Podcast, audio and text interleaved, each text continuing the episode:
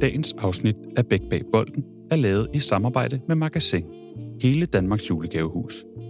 Oplev mere og shop på magasin.dk.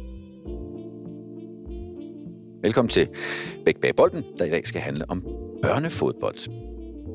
Og hvis der sidder nogen derude og tænker, at det er jo VM, og vi vil hellere høre om verdenseliten, så skal jeg lige minde alle om, at det starter jo i børnefodbold. Alle sure, stramme professionelle er startet som glade amatører. Og uden at gøre jer til hverken glade eller amatør, så er vi så er jeg heldig i dag at have selskab af to fra Brøndbyernes idrætsforening, altså amatørklubben. Nemlig dig, Per F. Hansen. Du er meget. Du har været fodboldmand i uendelig mange år og trænet både senior divisionshold som chef. Du har været assistenttræner, blandt andet i Brøndby. Du har også været omkring DBU, du er instruktør.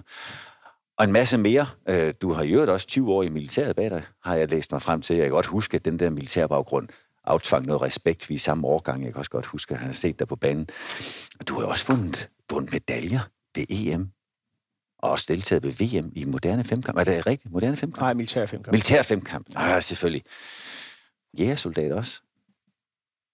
Er det, det, nu kigger jeg over på min anden gæst, dig, Sten, der jeg kan snart præsentere dig lige lidt, men så meget militær er Per, så han bare nikker stiltigende, du ved, helt uden larm. Det, ja, det er dejligt Velkommen til dig, Per. Du... Dejligt at have sådan en mand i organisationen, der bare gør, hvad han får besked på.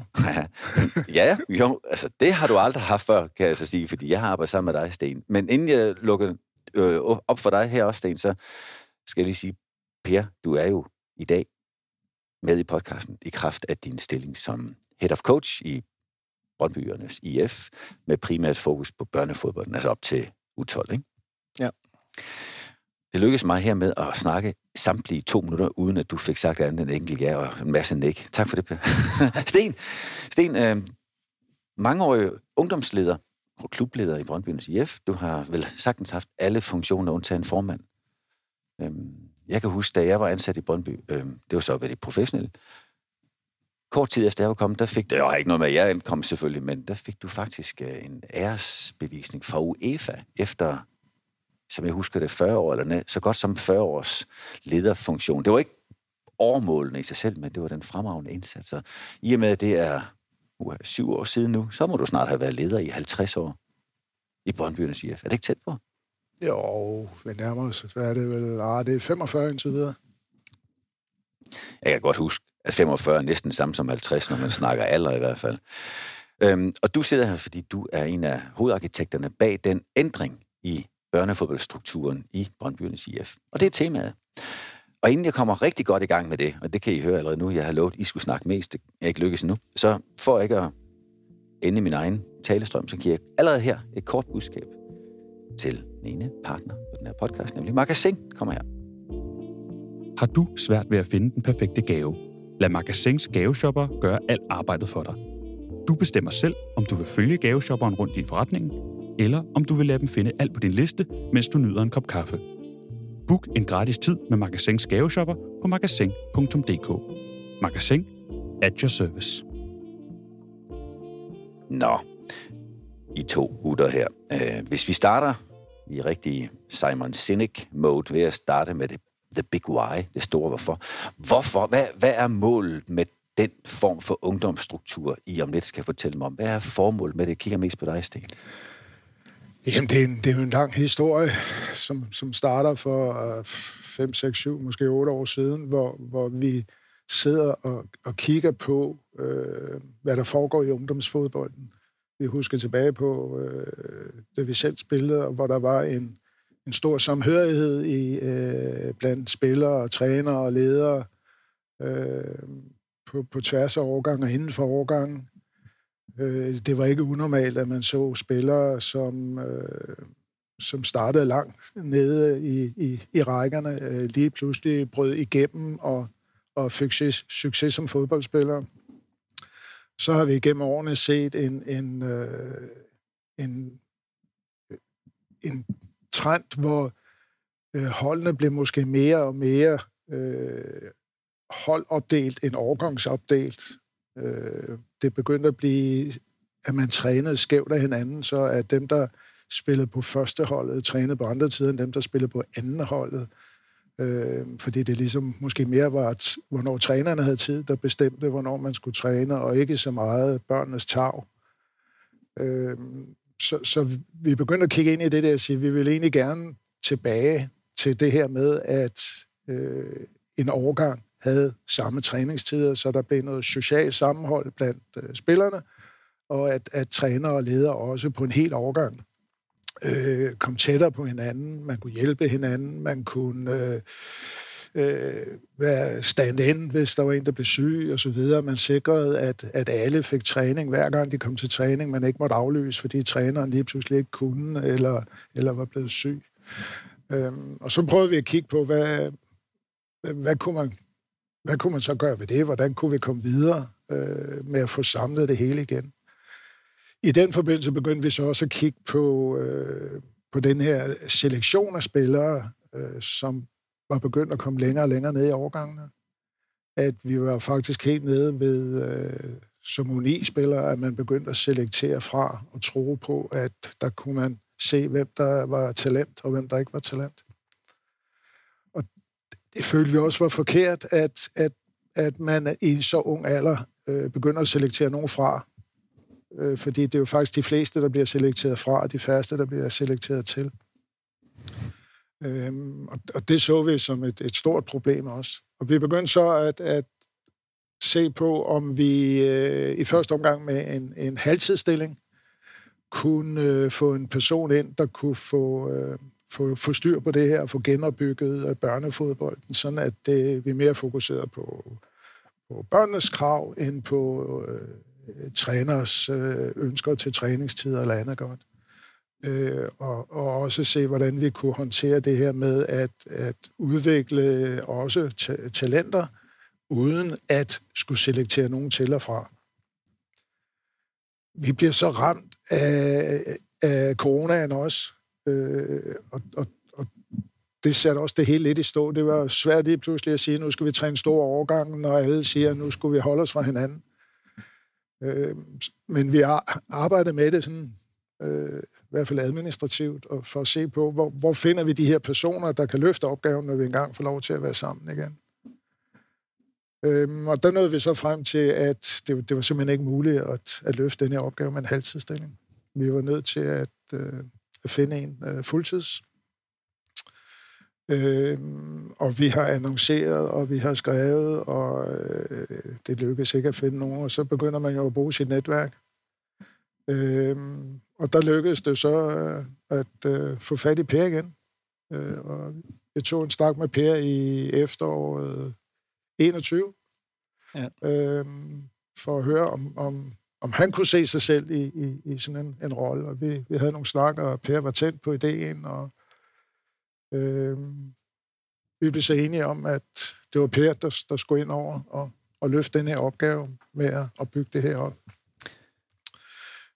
I, øh, i, i samme omgang, så, øh, så tog vi egentlig næste skridt, og vi sagde også, jamen, øh, hvor, hvorfor, hvorfor egentlig kun børnefodbolden?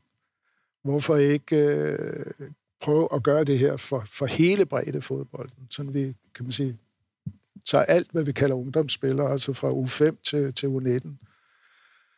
Og der var vi så så heldige, at, at vi kunne få Lars Olsen til at tage en tilsvarende opgave, øh, sådan at, at vi i dag har Per, der tager sig af børnefodbolden, og Lars, der tager sig af, af ungdomsfodbolden i foreningsregi. Og det vil sige, at, at øh, for Pers vedkommende, der er det jo alle spillere på årgangene, fordi vi ikke længere har den her selektion mellem øh, bredde og elite øh, i, i børnefodbolden. Og når vi så snakker ungdomsfodbold, så er det jo så det, man normalt vil kalde bredde fodbolden, eller foreningsfodbolden, som, som Lars Olsen øh, tager sig af. Men egentlig på de samme præmisser, at, at, øh, at, at nu snakker vi overgange, øh, vi snakker ikke øh, hold. Jeg skal lige i øvrigt nævne i regibemærkning til dem, der sidder derude og nysgerrige, så øh, Lars Olsen var faktisk gæst for ikke så lang tid siden i den her podcast, hvor han også kom ind på sit virke her som head of coach for ungdomstrænerne og ungdomsfodbolden i Brøndby ja. IF. Øh, og så for dem, som måtte være sådan lidt på distance af fodbolden, når, når vi taler om bredde fodbold i Brøndby og IF, så er der nogen, der tænker, jamen er det ikke et absolut eliteklub? Jo, jo, det er det jo, men fra ungdomsfodbolden starter, og det er vel stadigvæk U12, så starter man, hvis man er elitespiller i masterclass, som ligger lige på den anden side af... Ja, som U13-spiller kan man godt starte masterclass. Ja, og, og, øh, og tidligere var der man jo ikke i gang med at definere, at det var elite, når det var børn. Men det er jo kommet til os, og nu kigger jeg lidt på jer, og, og den fortælling, du har givet, tak for det, Jølsten, den, den, øh, den virker jo som... Altså, nu sidder vi tre ældre herrer her. Sten, du hvad? Fra 1954? Nå, 56. så slemt er det ikke. 57. 57? Ja, jeg er stadig en halv ung mand. Så der snød jeg på vægten. Ja. Og Per, vi to vi er fra 66, altså 1966, hvis der sidder nogen her i tvivl. og, og, og vi sidder jo her og kan lige pludselig blive anklaget af nogle af de mere unge dynamiske kræfter for, at I er bare ved at reproducere gamle dage.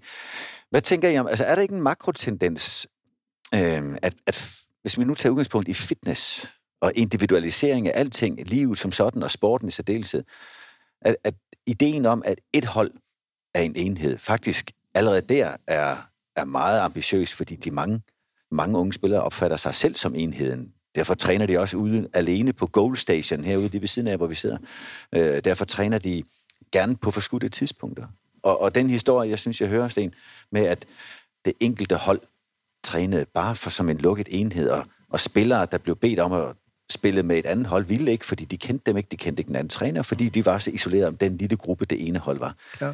Er det ikke bare en makrotendens? Prøver vi ikke at kæmpe imod noget, som, som er større end, end os? Eller hvad er jeres syn på den del? Nej, det synes jeg ikke, for, fordi det, det vi også skal holde os for, det er, at, at vi er en forening, og som forening har man jo også nogle andre ting at tage sig af, end bare lige den idræt, man udøver.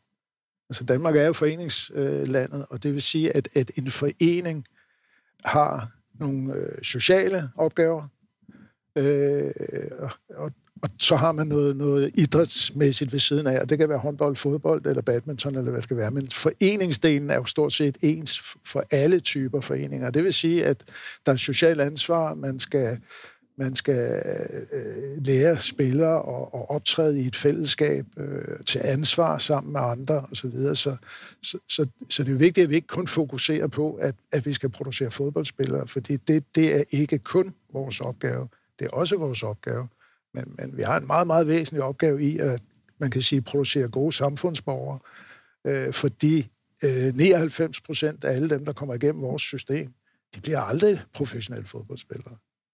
De kommer ikke til at leve af det her. De, de skal ud og leve af noget andet, og det vil sige, at de skal have nogle andre kvaliteter med ud i livet.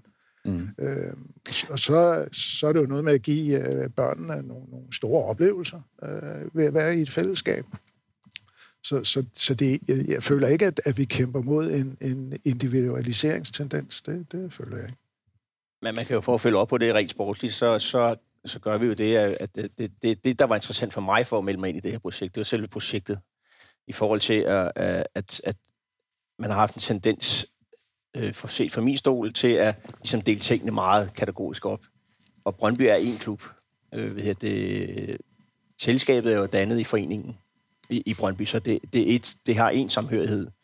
Og, og, og hvis du begynder allerede som, som U8-9-spiller og vil spiller fra og fortælle dem, at de ikke er, at de, de, de kan ikke vise noget, for det, det er der nogen, der vurderer, og, og det, har de sikkert, øh, det har de sikkert deres grundlag for at gøre. Der synes jeg, at øh, risikoen for, at den si, vi har i talentmassen i Brøndby, den, den, den bliver for, for, for stor. Det vil sige, at vi har nogle talenter, som måske udvikler sig senere, som, som ikke bliver til noget, øh, ved det, og ikke får chancen, som, som alle de andre gør. Og så er der den anden del af det, det, det, det brede med, at, at vi stadig træner overgangen. Ja, det gør vi, men vi har stadig A, B og C og D-trup. Og vi sørger for, at dem, der spiller i C-truppen, får samme type træning som dem, der er i A-truppen, dog på et andet niveau. Så niveauet passer til dem. Og så kan man rykke op og ned. Det vil sige, at vi har ikke nogen lukkede siloer på holdet, som, som, man, øh, som er det, vi går væk fra nu. At det blev meget katastrofisk, man havde en, en trup på 12 spillere, de rykker hverken op eller ned. Øh, så, så jeg tænker, når man har haft en stævne på, på fem, så er der en del, der ikke spiller måske. Øh, der er nogen, der får mere spilletid end andre, og, og der er ikke mulighed for at lade dem spille i en B-trup, hvor de kommer ud og spille for eksempel hele kampe eller hele stævner. Også den sammenhørighed. Jeg kan jo se med glæde i dag, at øh, da jeg var her som U21-træner, der havde jeg Daniel Vasse og Daniel Stenrup som to forskellige karriere. Øh, de, de, er, de er sammen i dag som, som kammerater og, og har købt hus samme steder. Og, og det er sådan noget, det, det kan jeg godt gå og smile lidt af, synes jeg, men det, det er jo noget, som de har fået gennem fodbolden, det, det venskab, de har der. Så det, du i tale sætter for mig nu, Per, synes jeg, eller for os alle sammen her, at det, det er øh, der, hvor Sten snakker om ansvar for dannelse som mennesker, altså foreninger og social øh, kompetence, så taler du også om den værdi, en sportslig uddannelse også kan give, altså det faktisk også kan give et netværk. Altså, fordi du nævner de to Danieler som et eksempel på nogen, der faktisk blev rigtig dygtige spillere, er det stadigvæk, men også oplevet at få en, en social kompetence ud af den fodbolduddannelse, de fik her. Ja. Stærkt. Jeg sidder også og tænker, altså jeg, jeg har selv børn også, fodbolddrenge og, og en enkelt pige, som også har spillet fodbold i øvrigt. Øhm, de bliver jo de bliver mødt af tilbud om at træne mere og mere individualiseret. Der er mange trænere derude, der laver individuel træning. I øvrigt har de aldrig baner, så de leger sig ind, hvis de ikke kan slippe gratis, på klubbernes baner. Det er så en ting. Og så er der alle de her akademier, man kan ikke klubbernes akademier, men de der enkelte akademier. GFA, som også har været en del af podcast-serien her, hvor Claus, som nu er stoppet derude, øh, fortæller lidt om deres øh, meget målrettet indsats på at gøre det absolut elitært allerede fra de 6 og 7 år gamle, er jo en helt anden i hvert fald et andet tilbud og en anden tilgang til børnefodbolden, end den, som I sidder nu og, og repræsenterer. Prøv, prøv at øh, sætte nogle flere ord på, hvordan fungerer hverdagen. De kommer ind. Mine børn, de kommer sgu tit til banen bliver afleveret på banen og hentet på banen. Det er først her, inden for de sidste par måneder, at man har opdaget efter corona, at man godt må gå i omklædningsrum sammen, tror jeg. Det er næsten en hel generation, eller i hvert fald nogle årgange af fodboldspillere, der ikke gør det. Hvordan fungerer det her hos jer? Hvilke sociale aspekter er der omkring jeres fodbold? Vi er klar over, øh, at, at, at corona har gjort meget i forhold til det her, så det, i starten har det været meget op af, af bakke i forhold til at få klubhuset som det centrale mødepunkt i stand igen. Øh, der har man så for, for, for, for øh, Stens side af i, i, i klubbens øh, bestyrelse ligesom bekendtgør nu, at overgangene mødes i omklædningsrummet og går sammen ud til banen. Øh, og det er, jo, det er jo noget, som igen skal tilvendes. Altså vaner tager lidt tid at, at, at, at, at komme ind igen. Og det, det har været en vane nu i, i to år, hvor de dårligt måtte røre hinanden faktisk, øh, ved det, og, og de kørte ud på parkeringspladsen, øh, som du selv siger, satte børnene af, og så sad de og ventede i bilen, eller kom ud og så noget træning, og så gik de ind igen i bilen og kørte hjem. Øh, det, det skal vi, den, den skal vi have drejet på igen, og nogle gange skal man selvfølgelig passe på, at man ikke drejer øh, den varme hane for hårdt, så springer rørene. Så, så derfor prøver vi stille og roligt at få implementeret den del igen i forhold til det projekt her. Og, og, og øh, det er klart, det har været, det har været øh, en udfordring, øh, men, men vi skal nok komme i mål på den også. Og man kan se, øh, netop derfor har vi jo også i samarbejde med kommunen fået øh, udvidet vores øh, klubhus, så vi har fået nogle fantastiske faciliteter, hvor, hvor det er netop omklædningen, der er i fokus. Det, at, at vi skal sikre, at der er omklædningsrum til alle, fordi det var også et problem, vi havde inden øh, coronaen kom, det var, at på grund af manglende kapacitet, så havde vi simpelthen ikke plads til, at vi kunne tilbyde omklædning til alle, selvom det altid har været klubbens regel, at øh, foreningsidræt, det starter og slutter i omklædningsrum. Øh, nu har vi pladsen. Øh, vi håber på, at det er fortid med øh, coronarestriktioner. Øh, og, og så er det, at vi kan begynde igen og, og sige, at man, øh, nu er det tilbage at mødes og afslutte træningen i omklædningsrummet. En del af, mm, jeg nævnte før, jeg ved ikke, om jeg brugte ordet makrotendenser, det er, at nogen øh, enheder bliver gjort mindre, altså mere individualisering, både af fodboldspillere og holdene, som skiller sig lidt ud fra klubben. Jeg kan huske, at jeg har hørt dig, Sten, sige i en anden sammenhæng, at der var cirka 100 klubber i klubben, så er til antallet af fodboldhold. Ja. Øhm, den, den altså, snævre gruppering, kan den også have at gøre med, at der bliver rigtig mange mennesker at skulle være fælles med? Altså, I har jo i perioder været Danmarks medlemsrigeste forening og alle de enormt mange, altså jeg kan da huske på et tidspunkt, at vi snakker om næsten op til 100 på en årgang. Nu ved jeg godt, det er lidt mindre, er det ikke? 70 i den største årgang, og helt ned til en små 20 stykker på den mindste. Jo, det passer meget øh, er, det, er det i virkeligheden et spørgsmål om størrelse? Kan man blive så mange, så det ikke er muligt at rumme en årgang, altså 80, 70 på en 11-mandsbane, hvis det er det der tilfælde? Så kan de jo være på to baner ved siden af hinanden. Altså vores baner, vi har masser af baner, og de ligger heldigvis tæt på hinanden, så, så når, når, når vi taler øh, træning, så, så taler vi egentlig om områder. De skal være på samme område. Mm. Og afhængig af, hvor mange man så er, så er området jo større eller mindre. Øh, så, så, så, så hvis, hvis en 11-mandsbane ikke er nok, fordi der er for mange, jamen så, så får de halvanden bane eller to baner, øh, men, men det er på samme område. Okay. Øhm, per, jeg, det blev en lang henvisning til tidligere episoder, det er egentlig åndssvagt, men, men det er jo fordi, der kunne jo være nogen, der synes, det her det er så interessant, så de vil godt have mere af det.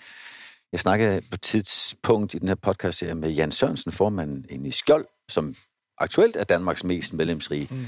forening, hvor han fortæller, at de har gjort op, de, de træner også i årgang, ligesom man gør nu her i Brøndby, men hvor de øh, ikke havde A, B og C, de kaldte det noget andet, de kaldte det for det meget dedikerede og mindre, og så de mindste dedikerede. Så de havde tre niveauer, som en alene definerede, hvor mange gange om ugen de blev tilbudt træning.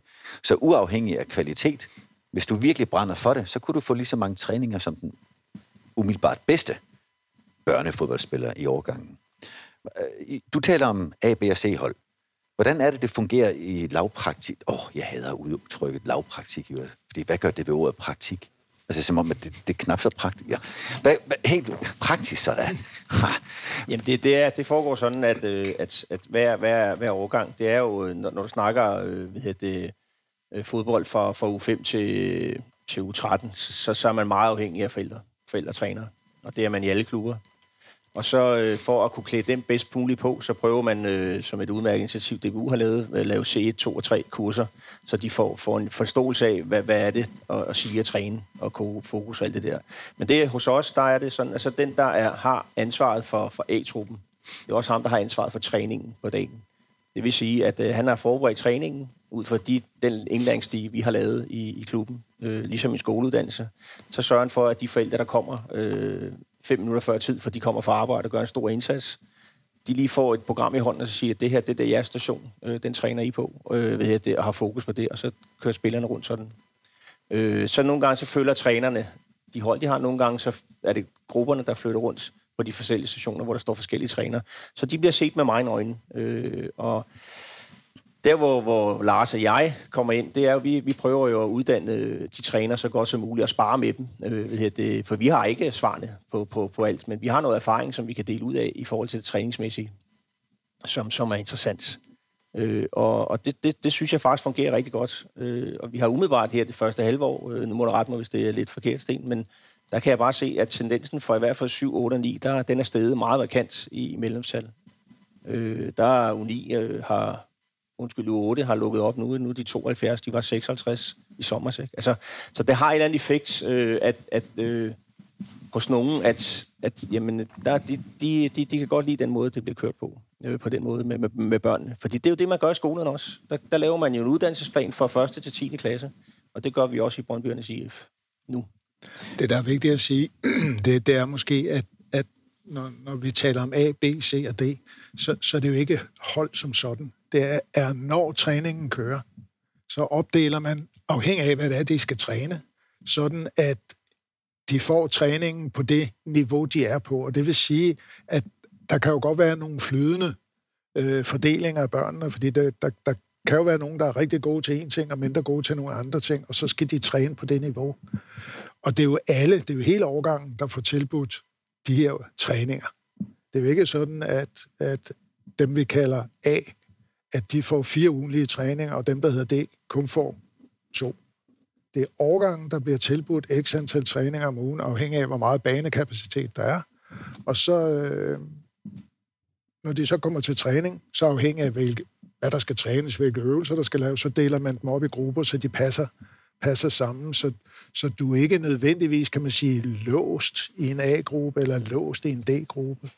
Det kan være flydende afhængig af, hvad, hvad er kompetencerne? Hvad skal vi træne? Hvor skal du dygtiggøre dig? Og så videre. Og så er det rigtigt, at, at vi ser en, øh, en, øh, en stor medlemstilgang nu, øh, specielt nede i de årgange der, og også en stor tilgang af dem, der gerne vil være træner. og det er jo netop fordi, at tror vi, at vi nu har fået de her årgangstrænere, så, så forældrene, der står ude på sidelinjen, siger, nu tør de godt gå ind og tage det der C1-kursus eller C2-kursus, og hjælpe med til at være træner, fordi de ved, der står en fagperson nede for enden. Og før var de måske lidt bange for det der, fordi jamen, jeg har jo ikke forstand på fodbold. Så, så det er jo både på, øh, på medlemssiden, at, at øh, vi, kan man sige, har stigende tilgang, men det er så sandelig også på, øh, på træ- trænersiden. Og så ser jeg ikke noget galt i, at man kalder det forældretræner, fordi der er jo ikke noget galt i at være træner og forældre. Øh, det kan måske på nogle områder være, være en fordel.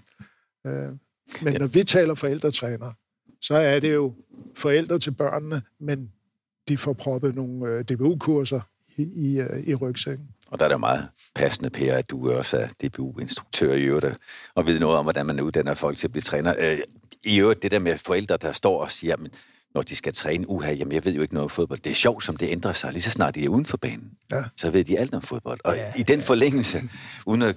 Man er ikke fantastisk. Ja, jo, det, det er utroligt, hvor dygtige vi bliver, når vi ikke skal levere. Men øh, i den forbindelse holder jeg lidt fast i min vinkel omkring, at, at der er rigtig mange projektbørn. Rigtig mange projektbørn, hvor forældrene har rigtig store forventninger til, hvad de skal kunne, og især hvad de skal tilbydes. Øhm, oplevede I i lanceringen af den her forandring, i jeres ungdomsfodbold. At der var forældre, der tog, især dem med de meget øh, profilerede børn eller eksponerede børn, tog den ud af klubben og skiftede til nogle af de mere elitære projekter. Ja. Ja, det gjorde vi. Altså, vi havde jo lavet en risikoanalyse. Øh, ved det er både en interessant analyse og en risikoanalyse. Det projekt, som, som, øh, som øh, jeg fik det første halve år til at, at gøre klar til, til, til, til, til klubben.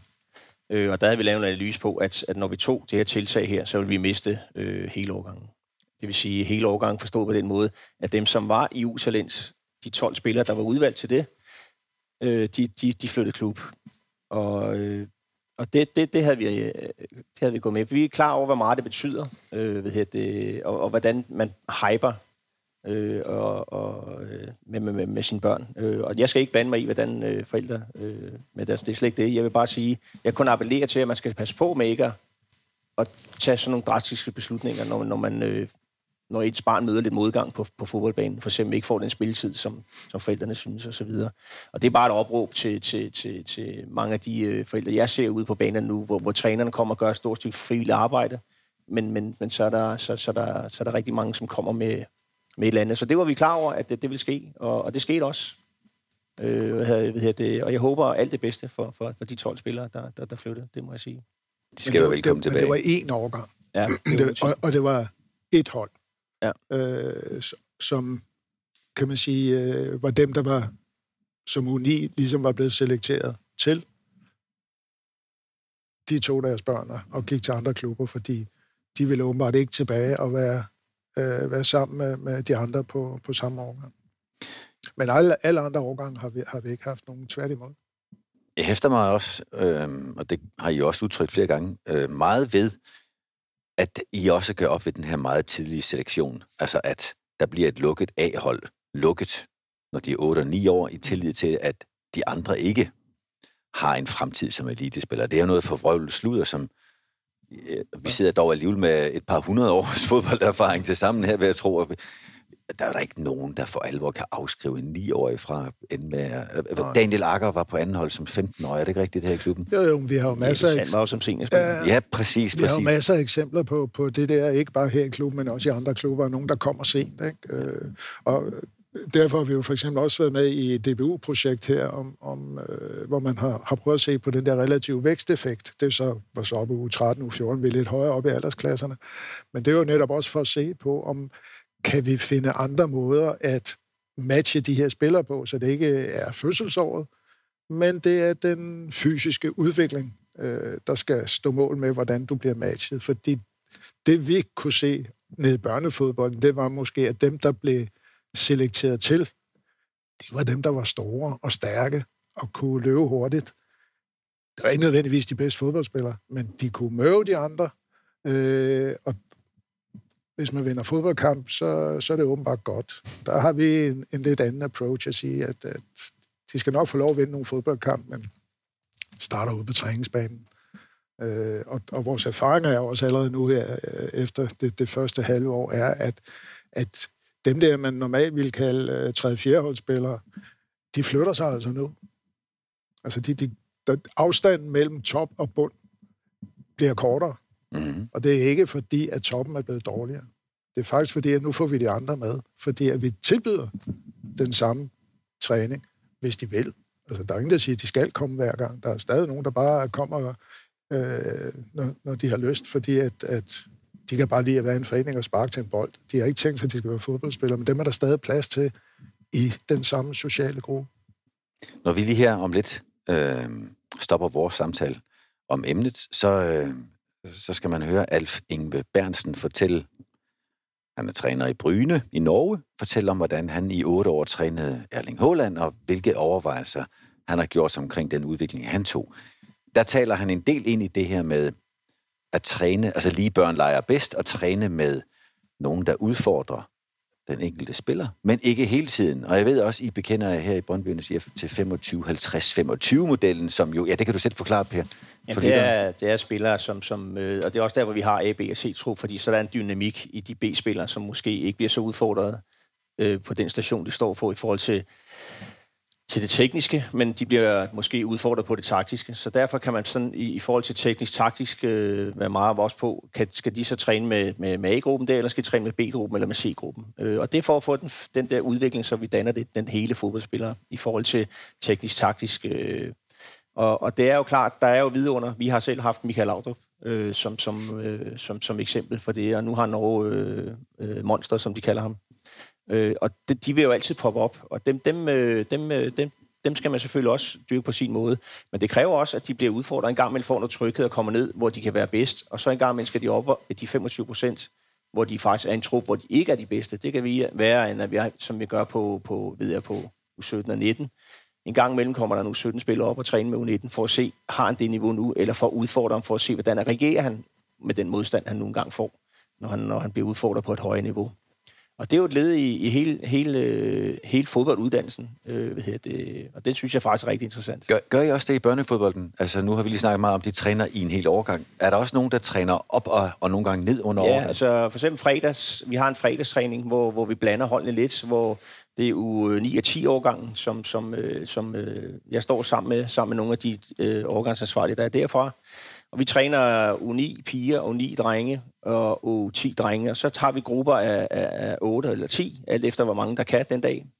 Og der, der er det faktisk ret interessant at se, øh, U9-pigerne er faktisk teknisk bedre end de to andre grupper, altså U9 og 10 drengene. Og de træner sammen, laver de samme øvelser, spiller kamp, så nogle gange så er det to piger og tre drenge på et hold, eller tre piger og to drenge på Og det, det synes jeg faktisk har været en rigtig god oplevelse for mig, at stå derude om fredagen og træne dem, og så se, at, øh, at vi lige pludselig har en, øh, en, øh, en, en pige, som laver en tunnel på en, øh, på, på en 10-årig dreng, som er et år ældre, måske halvanden, alt efter hvornår de er født. Så, så det synes jeg, det har været en rigtig god oplevelse faktisk. Altså, man, man kan sige, det, det, det er jo så noget, der lidt er blevet tabt i den udvikling, vi har haft i fodbolden i Danmark, ved at vi er gået over til at spille rene overgang. Der, der, før i tiden, hvor man spillede dobbelt der var der naturligt den der matchning, men i hvert fald hver anden år, der var du lidt bagefter, både på fysik og måske også på andre ting. Øh, så, så der var det helt naturligt, at, at du fik det der switch, at, at det ene år var du øh, den ældste årgang, og dermed på toppen, og året efter, så var du lidt ned igen og blev presset. Ikke? Øh, det, den der naturlighed i det, den har man jo tabt ved, at man har lavet den der meget Øh, øh, firkantet opdeling med at sige, at vi spiller rene overgange. det er måske lidt ærgerligt. Det kunne være, at man skulle overveje sammen med det her med at kigge på, på spillerens fysik, om, om, om vi skal justere på den måde, at vi øh, træner og, og, og spiller fodbold på. Og der skal jeg da bare sige for egen regning, det synes jeg ikke, fordi I har jo lige præcis, som I også gør, alle rettigheder og muligheder for at lade den selv træne op og ned efter det, I vurderer, så det ikke er kalenderåret, der afgør det, men kvaliteten. Men, men lad det ligge. Øhm, men når du skal ud og spille turneringskampe, så, så er du låst, ikke? Nej, hvorfor det? Du kan da godt have en... Øh... Ja, du kan ikke spille ned. Nej, det er rigtigt. Du kan kun spille op. Kun spille op. Det vil sige, at, at, at du risikerer, at dem, der er sent udviklet fysisk, at de bliver tabt i det her forløb, fordi de vil hele tiden være for gamle til at spille sammen med nogen, som de fysisk er på niveau med. Og så har man jo selvfølgelig forsøgt med kvartalspillere og med future-tankegang, tankegang, når det bliver 15 og 16. Men det er så rigtigt, øh, det, den kører jeg gerne lige på stedet. Øhm, lige her, som for mig afsluttende bemærkning her, Ja, du nævner, Per, at det, at drengene og pigerne spiller sammen, det husker jeg ikke fra min barndom. Måske fordi der var for få piger, der spillede. Men ellers så synes jeg, at det, I beskriver for mig, det minder mig rigtig meget om det foreningsliv, vi tre kom fra. Og som måske de senere årgange, hvad den der år 10 eller måske lidt mere, ikke har haft samme adgang til, fordi individualiseringen er slået godt igennem, også i fodboldens sammenhæng. Så, så jeg hører, hvis jeg runder op, hvad jeg har hørt, jeg hører jeg snakke mere om de to spor i dannelse, nemlig som er, vi skal hjælpe dem til at udvikle sig sportsligt, men hele tiden med en klar basis i, at det er en social kontekst, de er i, og derfor så træner hele overgangen sammen. Ja. Kan, jeg, kan jeg have hørt rigtigt, når jeg siger det? Det kan du godt, ja. Det, er fantastisk. Per F. Hansen, mangdobbelt militær femkæmper, og utrolig erfaren træner. Tak for din deltagelse, og selvfølgelig Sten Lærke også, med 45 år som klubleder på banen. Nu står den så på mere norsk. Nu skal det være Alf Ingve Bernsen, der fortæller om ungdomsfodbold, især børnefodbolden i Bryne og i Norge, og hvordan man producerer den ene Håland efter den anden. For der var jo en før Erling. Tak for nu.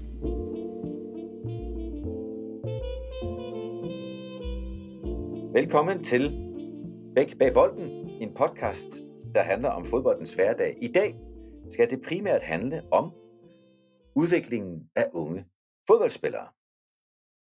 I den anledning har jeg i dag selskab på en computer, skal jeg lige skynde mig at sige, af Alf Ingve Bernsen. Goddag, Alfie. Goddag, goddag. Og du sidder i Bryne i Norge. Er det korrekt? Ja, jeg sitter og så ser på en skærm på Bryne i uh, vind og regn utenfor og varmt og godt inne. Okay, og det er som det skal være i Norge. Jeg, jeg har mange gode erfaringer fra Norge, men mange af dem har med regnvejr at gøre. Der har ja. meget vådt i Norge. Og specielt i hovedregionen, så er der mye vind og mye regn. Og derfor kan der jo godt komme dygtige fodboldspillere ud af Bryne. Jeg ved, at du har trænet ekstremt mange spillere, børn, unge og voksne. Øhm, og i disse tider er det selvfølgelig rigtig interessant for mange, ikke bare i Norge, men også i Danmark og resten af verden, at du også har trænet Erling Haaland. Haaland, skal jeg sige. Ham har du trænet i Bryne. Ja, kan du... jeg, jeg trænede øh, en gjeng med, med 49 uh, spillere som var født i 99, uh, Eh, 1999, og de Eh, I, I, Norge så kjør, eller på Bryne så kjørte vi rene årsklasser så trente sammen. Eh, men Erling var litt for god for sin gjeng, så han, fra han var åtte år av, så begynte han å være med eh, vårt lag en gang i uka, og så ble det mer og mer. Eh, sånn at når han ble, var ti og et halvt år, så ble han flytta permanent opp. Og så jeg trente han til sammen i åtte år, fra han var åtte til han var 15. Ja, så jeg tenker du med god grund kan tildeles en stor del af ansvaret for, at vi nu har med en af verdens absolut bedste spillere at gøre, og det, det er vi jo taknemmelige for. Øhm, jeg ved også, at vi har aftalt at kalde dig Alf Ingve, og ikke Alfi, fordi Alfi er jo også navnet på Erlings far, som du deler, deler by med i Bryne, og jeg tænker, I begge to går rundt i byen og og kan gøre krav på navnet Alfie. Så nu bliver du Alf Ingve. ja, Alf, Alf Ingve er fint, ja. ja. Øhm, min, min interesse, ja, jeg har stor interesse i at tale med dig, ikke kun fordi du har trænet Erling Holland, men er også at tale med dig om børnetræning. Vi har, som du måtte vide her i Danmark, øh, for første gang længe set en eliteklub, Brøndby IF, beslutte at dele deres unge spillere, deres børn, op efter alder alene, og ikke efter første, anden, tredje hold osv. Altså træne dem i en stor gruppe, i en stor gæng, som du siger. Hvad er din betragtning på børneudviklingsfodbold? Uh, når de er små fra 5 til 8-9, så er hovedtyngden å skape allsidige bevegelsesminner på kroppen. Og Det kan du gjøre via ulike idretter. Vi gjør det stort sett med fotball. Da trente vi én og to ganger i uka. Og da var det, da er det viktigste å skape et fundament for eh, det videre. Samtidig som vi jobber med fotballen, så jobber vi med utvikling av, eh, av eh, menneske, hele mennesket. Det er egentlig viktigere enn fotballen. Når de blir 10-11, så er det mer fokus over på teknikk. Etter hvert så blir det taktisk. Eh, og, og ifra de er mentalt klare, så begynner vi å forberede de som ønsker det til å bli veldig gode. Og det er fra 13-14-15 år. Og, og, da blir det jo enda mer retta inn mot den, men det er hovedidretten, da. Men, men uh, hovedfokuset hele tida er, er mennesker oppi, oppi, oppi idretten med ball. Når du siger, at de i alderen 14-15 år bliver rettet med fokus på hovedidrætten, mm. så må det jo betyde, at inden den alder er det en mere generel øh, øh, sportslig udvikling. Du har nævnt, at de små børn, 5 til 8, 9, er det fokus på alsidig bevægelse. I ja. senere alder er det på teknik. Øh, vil det betyde, at du anbefaler børnene, også op til 14 år, at dyrke forskellige idrætsgrene, altså forskellige slags øh, former for idræt? Jeg kan, øh, det er litt avhengig av, av, av det, øh, barn og ungdom må bestemme det sjøl. Hos oss så var det noen som ganske mange spilte håndball. Noen drev Sånn som Erling, han drev litt friidrett. Han spilte håndball da han var 14. Men hovedidretten var fotball. Så, så de kunne velge det sjøl. Men, men, men, eh, en gang må de jo velge. Men det å drive litt allsidig, det kan egentlig bare være skadeforebyggende og bra, men det er absolutt ingen krav. Hvis det er noen som kun ville spille fotball, så var det òg helt OK. Uh, vi tvingte ingen til å drive multisport. Jeg kan blive misundelig øh, på det udgangspunkt, fordi i Danmark er der virkelig mange drenge og piger, men især drenge, som kun spiller fodbold. Måske drevet af forældrenes ambition, men jeg kan huske fra min egen tid som træner, at nogle af de mest interessante spillere var typisk dem, der også havde for eksempel gået til gymnastik. Gymnastik gav en anden spændst, springkraft, kropsbevidsthed. Så jeg, jeg er meget begejstret for, at du siger, at, øh, at det faktisk er ikke et krav, men dog et, en fordel, et plus, at de unge de også dyrker andre idrætsgrene end fodbold. Øh, hvad tænker du om inddeling efter kvalitet i den gæng på 49 spillere, du havde ja, men, i...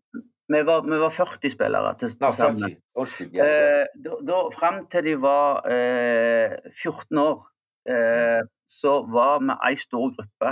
Det året de ble 15, så valgte de sjøl eh, nivå. Og da kunne de velge mellom mer topp, altså fire ganger i uka pluss elitedivisjon, eh, eller to ganger i uka og, og mer sånn bredderetta og, og, og, spill i andredivisjon. Det, det, det, det, det gjorde spillerne selv på årets første møte. Vi, la ikke, vi trenere la oss ikke opp i dette, og da var det 20 som valgte topp og 20 som valgte bredde. Før det så hadde vi de samla som eh, ei gruppe, men selvfølgelig så, så, så differensierte vi, delte inn i deler av treninga fra ganske tidlig av, men bare deler av trening. Okay. Så typisk trening, hvis de sier de var tolv år, da, da, møter alle opp. Og så har vi kanskje en, en time trening eh, inne i en hall. Da varmer de opp eh, fem minutter sjøl med ball, helt fritt. Og så har vi delt inn i stasjoner. Det er kanskje en stafett, start og stopp. En eh, sjongleringsstasjon, en skuddstasjon, eh, en eh, mer sånn allsidig stasjon. Og så spilte vi alltid mye fotball. 50 eh, av all trening var fotball.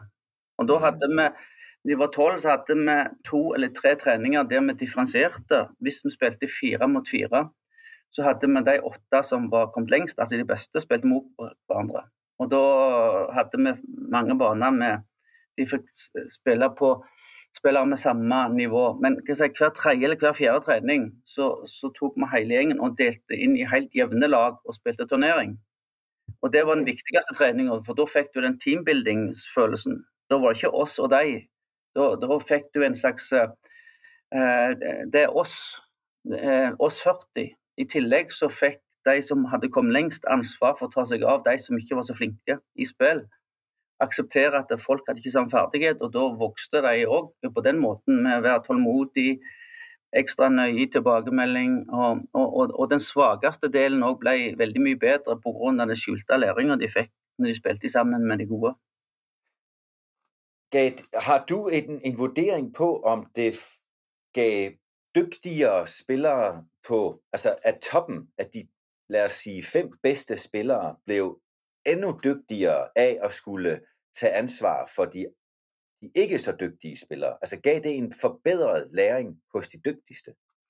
Ja, det, det, er vanskelig å si, altså, men, men eh, altså, når du jobber med, på en plass sånn som Bryne, en liten plass med 11 000 innbyggere, så betyr fotballen veldig mye for det sosiale samspillet på kvelder. og sånn. Så hvis, hvis vi hadde delt de for tidlig når de var ti år, så hadde det jo eh, Eh, kameratskapet forvitra hvis de ikke fikk trene sammen. Så det er jo litt av utgangspunktet at vi ville holde de samla.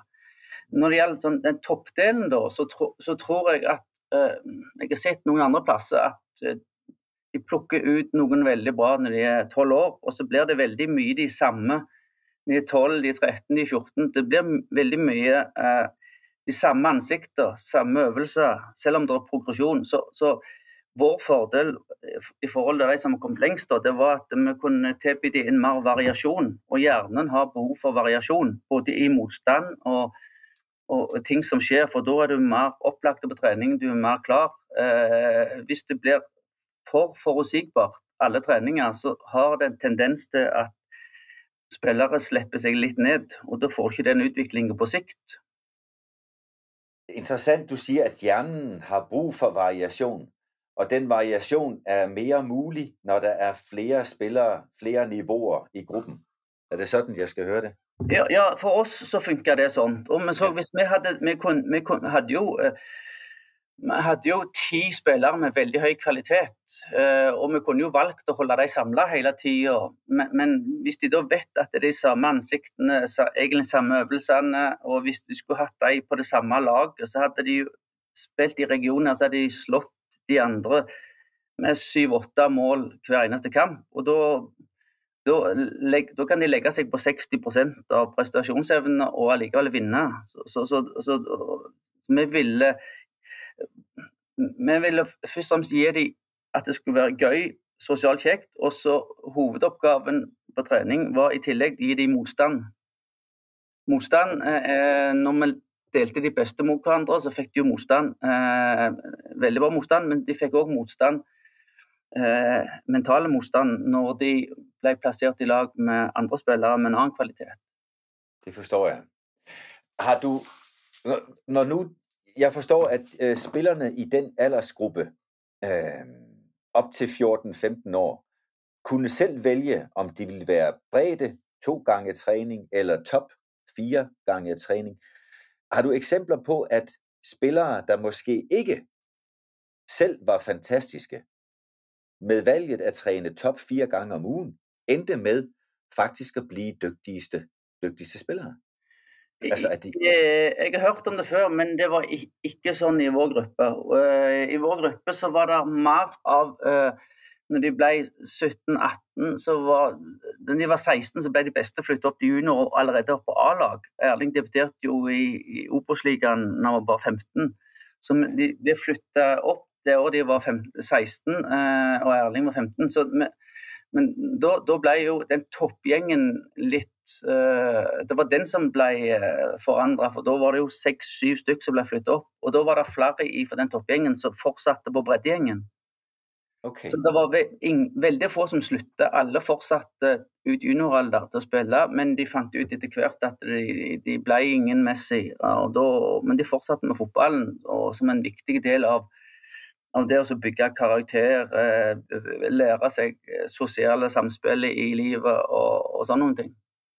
Så, så hvis jeg nu jeg sidder her, det skal jeg sige, Alf Ingve, jeg sidder med den her sætning, danske sætning, jeg selv tror meget på, at ofte bliver de næst bedste til de bedste.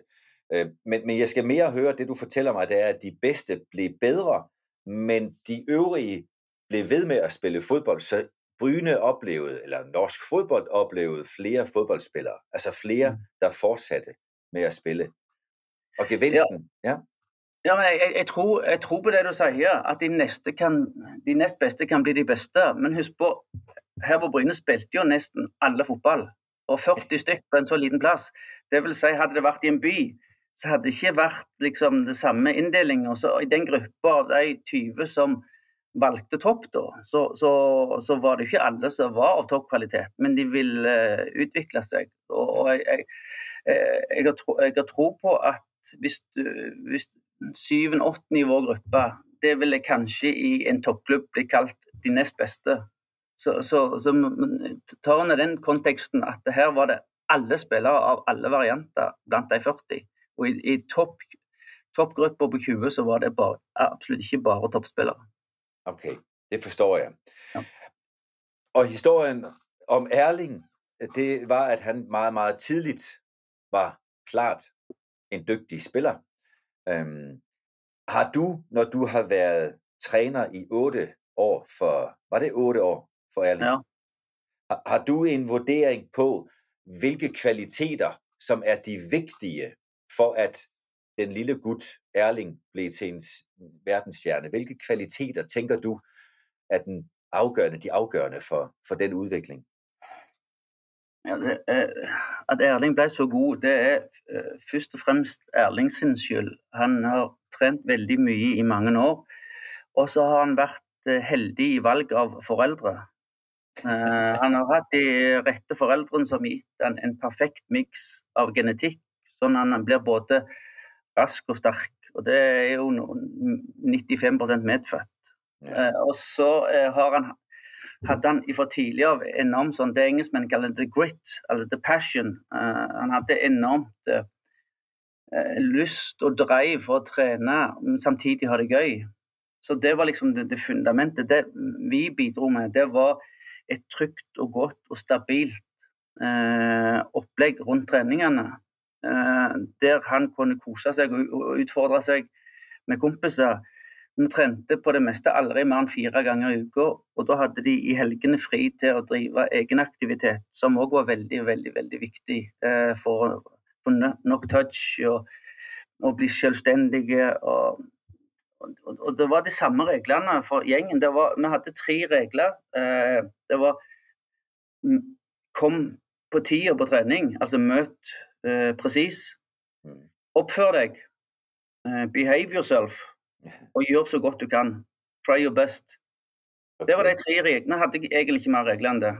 Kom på tida, oppfør deg og gjør så godt du kan. Og hvis, hvis vi greier å gjennomføre det i mange år med de med stort potensial, og de trives og har det gøy, og de får forskellige utfordringer, så kan ting eksplodere. Og det var det som skjedde med han.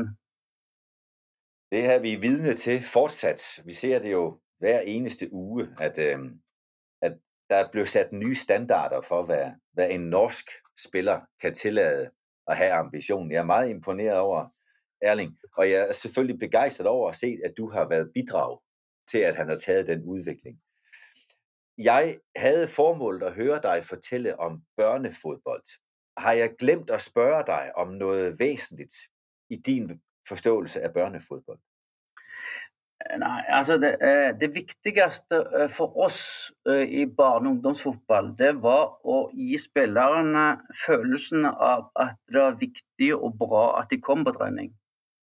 Det var viktigere enn å selektere ut ifra ferdighet, eh, for det fikser de sjøl. Altså, vi i Bryne vi, vi, greier ikke å produsere en ærling. Det, det, går ikke an.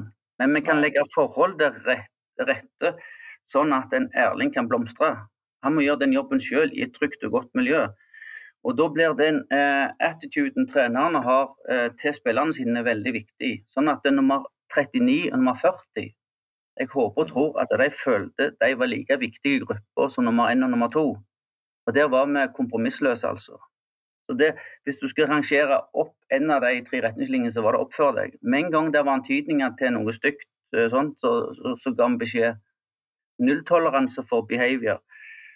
Så, og, og, det er liksom eh, og det, det har forska på denne gjengen via en norsk masterstudie og en internasjonal studie. og Da har spillerne som blitt intervjua bekrefta litt av dette. her, At det var, det var tydelige, klare regler med, med en Prøvde å altså, balansere krav og forventninger til spillere med hjertevarme.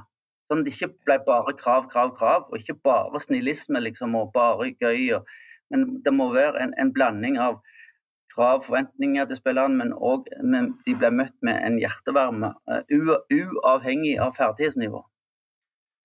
Er det, er det det vi på engelsk kaller tough love? Ja, det vil jeg si. Og det synes jeg, jeg har hørt nu, og jeg har set det ske derude med, med meget passionerede spillere til resultat. og jeg har hørt dig fortælle om lige præcis de forudsætninger, I har skabt for, at spillere som Erling Haaland kan blive passioneret hele vejen igennem. Jeg er meget, meget begejstret, Alf Ingve. Ja, det er et par ting jeg kanskje kan altså, ja, kom, kom. Når vi differensierte fra ganske 10-11-12 år, så når vi, når vi hadde de beste mot hverandre, så var vi veldig tydelige på å ha tempo og intensitet. Eh, sånn at når Erling var spiss eh, forward eh, på, på treninger, som han stort sett alltid var De fikk variere hvis de ville, men Erling var spiss. Og så spilte han mot to midtstoppere Defenders, som var, senere var innom Norges eh, landslag på, på, på, på gutter 18 og gutter 17. Så han møtte jo veldig god motstand. Og Hvis han da ikke utvikla smartness i, i, i, på treningene, så skåret han ingenting. Så, så Det viktigste eh, for, for, vår del å bidra med i forhold til de beste, det var å passe på høyt tempo og intensitet i spillet, sånn at eh, du tvinger dem til å tenke raskt. Uh, sånn, Når du tenker raskt mange ganger nok, så blir det på en måte, da overtar instinktet. Og så kjørte vi veldig, for veldig tidlig alder offside på treninger. Du ser nå Erling går veldig sjelden i offside. og Hvis han fram til han var 15 år kunne stå foran alle andre for ballen og skåre, så hadde ikke han utvikla den. Uh, som, som, vi brukte nå, ikke alltid med, med bredderingen, men, men, men, de beste. Så fra de var 11-12 år så hadde vi eh, offside på alt av, av spilløvelser. Altså. Og vi spilte jo veldig mye, vi spilte jo 50% Da får du kamplik trening i høyt tempo, så går det fort. Da må Erling og de andre begynne å tenke raskt. Og hvis de da står i offside, så kan de ikke skåre, for da er det offside. Og, og, og jeg har oplevet mange spillere til træning blive utilfreds, når træneren dømmer offside.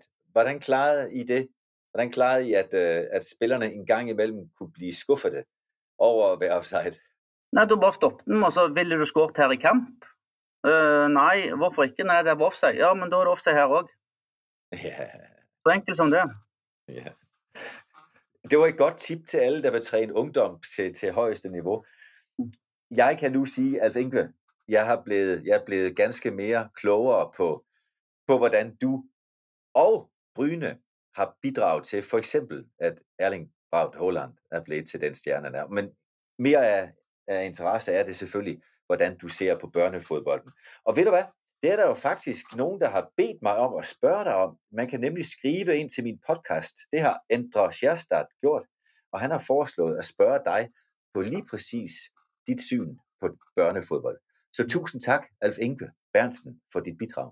Ja, tusen hjertelig takk for at jeg fikk lov å være med. Det siste rådet mitt eh, til slutt det er når dere trenere i barne- og ungdomsfotballen, så ikke coach hele tida. La spillerne få utvikle eh, tankesettet sjøl. Lite coaching, men ha gode øvelser med god kvalitet. La tre, eh, spillerne finne gode løsninger sjøl. Da blir de selvstendige og lærer å tenke sjøl. Det tænker jeg, at vi også kan tage med øh, som et, et godt råd til de danske trænere. Mange, mange tak for også det råd, Alf Inge Bernsen. Og, og lykke til med, med regnvejret deroppe i Bryne. ja, øh, tak for det, og lykke til videre selv også.